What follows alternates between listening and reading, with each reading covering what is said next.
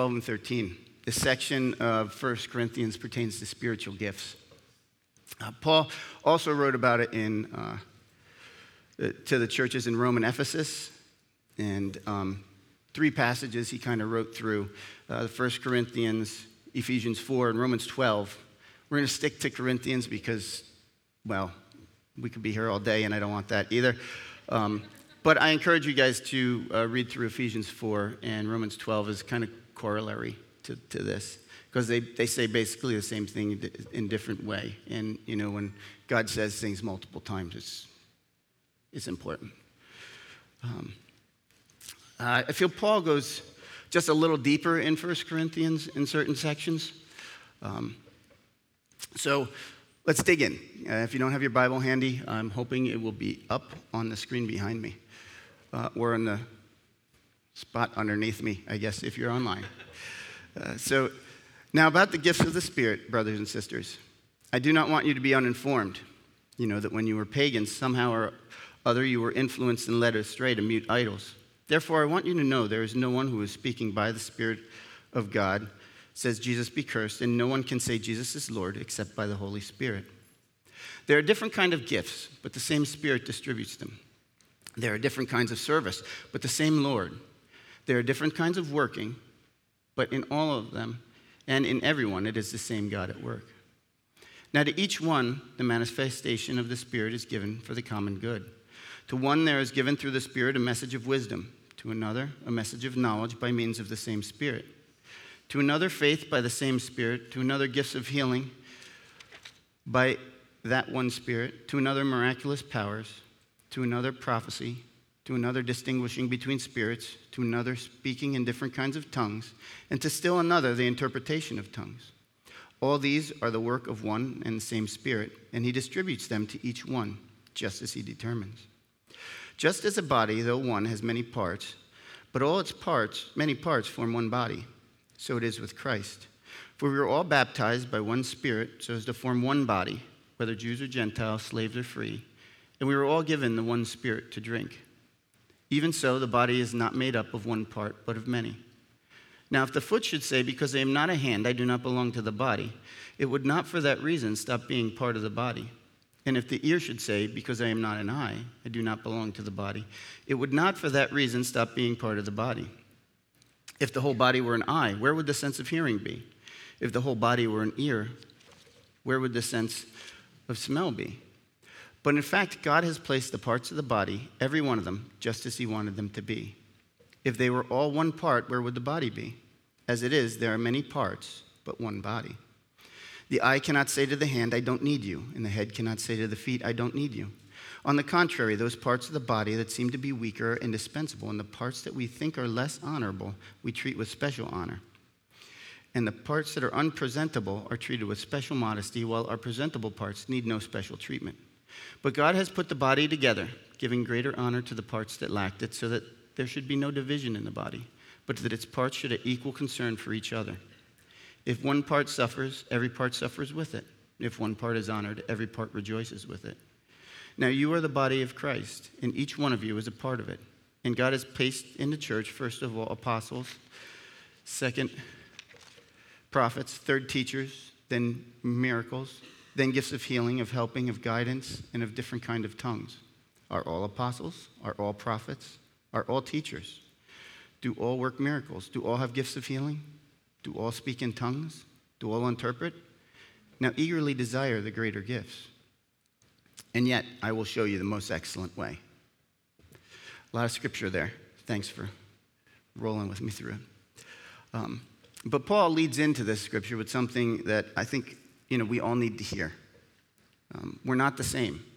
We're all, we have different gifts. Uh, we have different callings. We have different roles. It's okay to be different. And Paul calls that out here. You don't become a Christian and fall into this cookie cutter mold of one size fits all. And that's good. And for me, it's a great relief because uh, in the comparative society that we live in, it could be debilitating. I'm not Brian. I'm not going to preach like him. And you guys know that already. Um, I have Christians in my life that do things that I know I'll never be able to do. Talk to people the way I never could, show compassion and mercy the way I never could. I don't have those tools. That's by design. We all come from different backgrounds. We all have, uh, you know, different life stories, different faith journeys. We have all come to Christ at different points in our lives. We're different, but it's on purpose. He says, Now to each one, the manifestation of the Spirit is given for the common good. It's a good verse. It, it generates equal parts excitement and anxiety for me. Uh, we, we each have been given a spiritual gift. The Greek word here in, in, to each one is, I'm going to butcher it, but hekastos, which translates to each, or, or more specifically, everyone. You each have a gift from God. And it's not a someday thing, it's a today thing. And, and that is cool. Uh, you know, so, you know, it's, it's hard to know sometimes what that gift is. Ritz just recently revealed this week online, I, well, in a TikTok, I think, uh, that the edges of their crackers aren't just there for aesthetics. They were designed to cut slices of cheese to eat their crackers. Many suspected this. Uh, Ritz just affirmed it this week after many years. This is kind of how it is with identifying your spiritual gift. You may have an area where God has burdened your heart. Um, and, you know, there are many uh, opportunities to get affirmation life group feedback. Um, there are classes. Uh, Brian and Diane have led a core strengths workshop. Um, and if you're new, we also have, uh, when we do the membership class, um, an opportunity to go through, go through a, a quick assessment. Uh, and you can sign up, for, up, for, that on your connection card or online um, if, if that's something you want to want to do. Some of us know our spiritual gift, some of us don't yet, but we all have one. And it's intentional, as it says in the scripture, as He determines. We have a gift and we have a purpose according to His plan for our lives. And it's comforting. But the anxious part for me is this we're, we're supposed to use the gift. So it's not just enough to acknowledge it, thank God for it, and then put it on a shelf. We're gifted in order to use it for the benefit of building and strengthening the body of Christ. And the interesting twist to this, uh, this plan and, and this gifting the gift given to you is not specifically for your benefit. Um, it's only beneficial where it's used with respect to others. I, am going to put up uh, behind me a look at this uh, not comprehensive list of gifts, but I, I picked this up on the internet. Uh, your vertical relationship that got gifted to you is to enhance your horizontal relationships. No one can preach unless someone's there to hear it. No one can heal unless there is someone to heal. You can't teach without students. The purpose of your gift is to share it to the benefit of someone else, either to bring them to Christ or to strengthen and mature their faith. And this gift that, that we've gotten, it's given, just like our redemption, just like our forgiveness. And it's unearned, which is why we call it a gift. And then Paul starts to take that, and, and since it's not earned, he wants to move on to, to, to letting us know that, that it's not you. Um, that's the importance of the unity of the body, of the church. Because when we have things, we get comparative. We live in a comparative society. We're comparative people. And it was the same back then, just as it was today. They were comparative. We have plenty of sayings that show this. You know, got to keep up with the Joneses. We're comparing there. That person is so blank, insert something here. I'd never do something like that. Uh, go to Talladega Nights. Second place is just first loser, right? Um, and then we'll go to the other side of the spectrum um, with one of my favorites in the hiking world. When being chased by a bear, you just got to be faster than the slowest person. We're always comparing.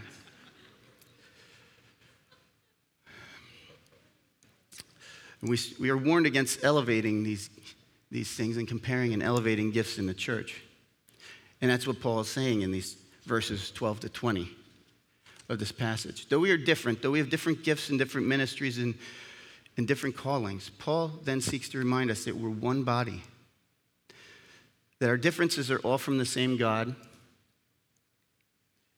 who we share as our Lord and Savior. Each gift and gifted serves a unique purpose in God's plan. And each one of us needs all of us to build up and equip the body. And Paul seeks to continue to try to make sure we keep our focus in perspective. That ultimately, our gift is a tool to prepare the bride of Christ to meet the King.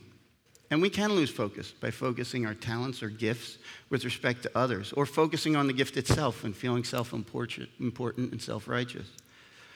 Max Lucado has a children's book because children's books make my points to me. I'm a simple man. Um, it's called The Children of the King. It's a story of five orphans adopted by a king who was coming to visit. The people assumed the king needed to be impressed by the children, and they told them so. Several of the children had amazing talents woodworkers, painters, music, wisdom, and they vote, devoted their time to developing that to impress the king. One child didn't have this. this um, so she stayed, she stayed down at the city gates, and as people came in, she greeted them. And she would water their animals, and she would listen to their stories. She felt inadequate and sought help from her brothers and sisters to become more like them. But they didn't have time for her as they were focused on developing their gifts. They didn't have that horizontal time. So she returned to the city gate distraught, and as she cared for the needs of yet another traveler, he told her how he had come for some children, but they'd been too busy to see him. As she realized he was the king, she asked about her brothers and sisters. And he replied that while they were too busy to see him, he would come back again, and maybe they would have time for him another day. And then he took her back to the kingdom with him. And that's essentially what Paul is kind of trying to say here in these verses. He's saying, don't get so caught up in gifts or talents that you miss God in it that we focus so much on the gift that we miss the giver. And then he closes this chapter by saying that he'll show us the way to avoid these pitfalls, the most excellent way. Which, this is so cool because I think this is the first time I've seen a biblical teaser because he just ends it there. He says, This is the way. Mic drop. I can see them in my warped mind scurrying around trying to find the next scroll. Like, where is it? Where is it? But but I digress. One of my favorite Christmas pastimes is watching families as a movie. Uh, I'm going to, to the cold because I need, it's kind of hot up here, so I got to mentally Jedi mind trick myself to keep cool. One of my favorites is an old black and white movie. Um, it's The Bells of St. Mary's. It's a Bing Crosby movie where he plays the character of Father O'Malley. Um, he's tasked with determining the future of uh, deteriorating Catholic school, St. Mary's, and the group of nuns who run it. And that's headed by Ingrid Bergman as Mother Superior. One of the sideline stories that occurs Father O'Malley helps a student, Patricia, write a paper on the five senses for a class taught by Mother Superior. Father O'Malley stops into the class the next day after helping her, just in time to hear Patricia tell Mother Superior she chose to do her paper on the six senses to see, to hear, to taste, to touch, to smell, to be. The sixth sense is to be able to enjoy the five senses properly, and as such is the more important of the senses. In her own words in the movie, to be or not to be, that is the question. And that's essentially where Paul kind of takes us next, and as, as we get into chapter 13. If I speak in the tongues of men or of angels, but do not have love, I am only a resounding gong or a clanging cymbal.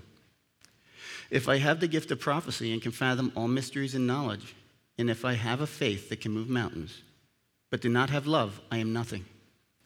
If I give all I possess to the poor and give over my body to hardship that I may boast, but do not have love, I gain nothing. Love is patient. Love is kind.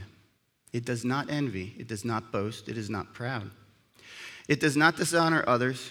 It is not self seeking. It is not easily angered. It keeps no record of wrongs. Love does not delight in evil, but rejoices with the truth. It always protects, always trusts, always hopes, always perseveres. Love never fails, but where there are prophecies, they will cease. Where there are tongues, they will be stilled. Where there is knowledge, it will pass away. For we know in part, and we prophesy in part. But when completeness comes, what is in part disappears.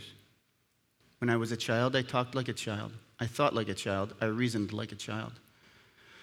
When I became a man, I put the ways of childhood behind me. For now we see only a reflection as in a mirror. Then we shall see face to face. Now I know in part. Then I shall know fully, even as I am fully known. And now these, these, these three remain faith, hope, and love. But the greatest of these is love. In another storyline in The Bells of St. Mary's, to go back to that movie, I like that one so much. A young boy, Eddie, he gets beat up uh, by a new student at the school who's a bit of a bully. Father O'Malley walks over, he breaks it up, um, but declares the bully the winner and kind of chats him up because, you know, a man needs to know how to take care of himself. And so he has some, some pride in that. Eddie notes that too, as he's consoled by Mother Superior for putting into practice what she taught him about turning the other cheek. She said, in Eddie's words, even he thought he was the better man. She notes, so Mother Superior notes Father O'Malley's pride with the winner of the fight. Now, Mother Superior was a bit of a tomboy growing up in the movie, and she goes out, gets a book on boxing, and teaches Eddie to box. When the bully picks a fight again, Eddie knocks him out. But then he helps him up, apologizes for the violence, genuinely offers no hard feelings, and offers to put the whole thing behind him, offers his friendship, and then offers to buy him an ice cream cone. Two scoops. He didn't approach or even participate in the fight with malice, frustration, or even anger. The goal was never to pound him in punishment, never to show him up, but to try to connect and correct. As observers of the fight itself, Father O'Malley sees the external and states quite a change. It's incredible. He's an improved man. Mother Superior comes back and says, I wonder, does it mean anything? Does it prove anything to beat up your fellow man? Somehow, don't you think it's in what we are in here that matters? I mean, I mean to be. And Father O'Malley can only respond with, You are so right. Paul in Scripture here is saying something similar that there is a to be, to be able to use the gifts properly. And that to be here is love. And he goes so far as to say that without it, our gifts are as meaningless as white noise, or are worth nothing, or are being nothing. The state of the heart in the moment is more important than any outcome, and any outcome, in fact, rendered meaningless in the eyes of God if the heart is not in the right place, if it's not being done in love. Love is the activation code for your gift. See, love is what identifies us as God's. In John 13, 34 and 35, Jesus says, A new command I give you love one another. As I have loved you, so you must love one another. By this, everyone will know that you are my disciples, if you love one another. It's how we're to be identified with him and how we are to project him within the body of Christ and to those outside the body of Christ. And it's how we are able to build, sustain, and equip the body of Christ to accomplish his purposes. Paul then defines what love is and what it is not. We see in, in those verses that it's patient, kind, keeps no record of wrongs, rejoices with the truth, protects, trusts, hopes, and perseveres. It is not boastful, proud, dishonoring, self seeking, easily angered, or delighted with evil. And that identity that we are called to have, that projection of what love is as we use our gifts, it stands in stark contrast to what the world says your position should be if you want to enact change. That worldview that stands on the statement that only those who project power and strength can make a change, regardless of where you are or what, you're, what side you stand on. The world says that there is a different activation code than what Jesus says. And so I challenge us as we reflect on this passage when we've had the opportunity to use our gifts for the benefit of God's kingdom, are we remembering to use the right activation code? I know I don't always. For me, sometimes I come at it like, well, Patches O'Houlihan uh, from the movie Dodgeball. Yeah, he's a crotchety old dodgeball star who, when brought in to teach a group of guys how to play the game, brings in a bag of wrenches, tells the team if you can dodge a wrench, dodge, you can dodge a ball, and starts hucking wrenches. He taught him to play dodgeball, but along the way, he caused a lot of unnecessary hurt in the pursuit of the goal. And in terms of a movie, it was funny, but in terms of reality, they would have walked out. Do we sometimes do that in our opportunities to build the kingdom? In our social media, in our daily interaction with the unchurched, in our daily interaction with those who, in our minds, should know better? Do we come at people, especially those we have issues with, with love in our hearts, like Eddie, to connect and correct? Or are we hucking wrenches, like patches? In the end, these gifts that we are given, they are meant to prepare the body of Christ as the bride of Jesus. And when he comes again, they are not needed anymore. They are done. But our reflection of him our love for others, our love for Him, that remains. And that's how he closes this, this piece of scripture. So, to go back to the bells of St. Mary's one last time, Father O'Malley, when he was talking with Mother Superior, tells her of one, la- one of the last senses, the one that's going through my head right now. And he tells her it's the sense enough to know when to leave. So, on that note, let's close the message and let us pray.